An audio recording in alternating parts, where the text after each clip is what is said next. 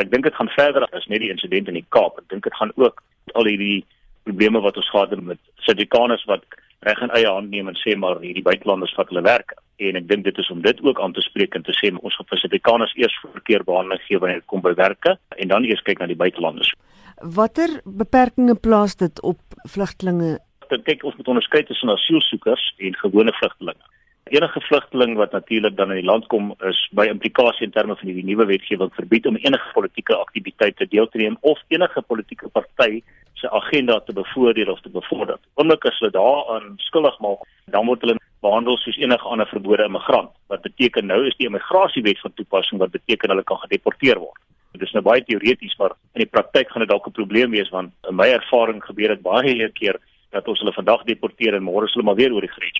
En dan kry jy natuurlik die asielsoeker. Dit is die persone wat vir politieke redes vlug uit hulle land om en wanneer ons Suid-Afrika inkom by enige poort van ingang voordat hulle die land mag binnekom moet hulle sê hulle is daar soop vir asiel en dan word daar vir hulle 'n asielsoekers visum uitgereik en daardie visums gaan bepaal watse sektor mag hulle deelneem, waar mag hulle skool gaan, waar mag hulle bly, watse werke mag hulle self koppel of betrokke raak en geen ander nie. Die oomblik as hulle buite daardie reëls gaan, dan verval hulle spesiale status as asielsoekers en dan word hulle ook doeteenvoudig gedeporteer of behandel soos verbode migrante.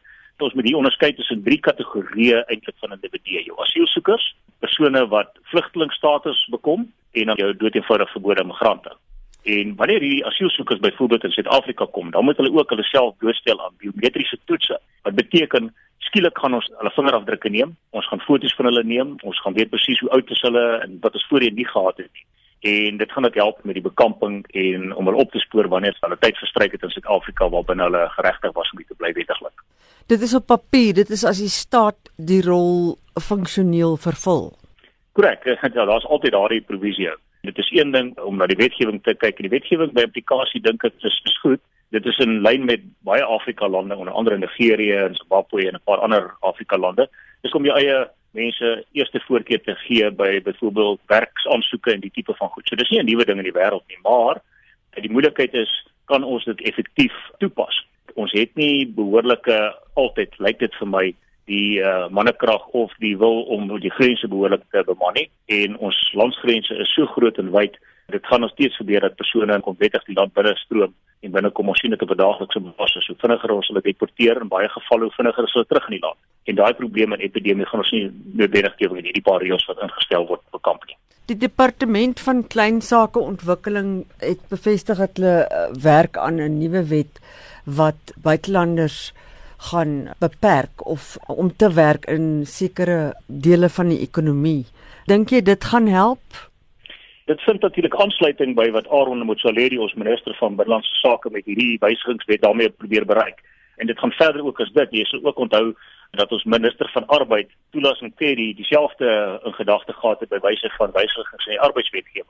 Dis maar 'n geïntegreerde lyk like my poging van verskillende staatsdepartemente en ministers om hierdie hele probleem aan te spreek. En alles kom maar daarop neer dat hulle uiteindelik wil seker maak dat Suid-Afrikaanse burgers hopelik eerste voorrang gaan kry by werksoeking. Die argument is dat praat van werkgewers wat probeer om lae koste werknemers in diens te neem om die absolute minimum lone vir hierdie mense te betaal omdat hulle bereid is om daarvoor te werk en dit vat die werk uit potensiële Suid-Afrikaners se monde wat klaar blyklik volgens die verskeie ministers sal gryp na daardie werksgeleenthede. Dis 'n geïntegreerde poging van die kabinet om daai hele probleem aan te spreek om aan die een kant seker te maak dat werkgewers wat klaar blyklik net profit najag, kan hulle spore gestuit word en almal gaan dan gebonde gehou word aan die wet op minimumloon en daai tipe van ding wat heidaglik nie noodwendig van toepassing is wanneer hierdie verbode immigrante in Suid-Afrika kom en deur werkgewers in diens geneem word sonder daardie byvoordele en hulle werk lang ure,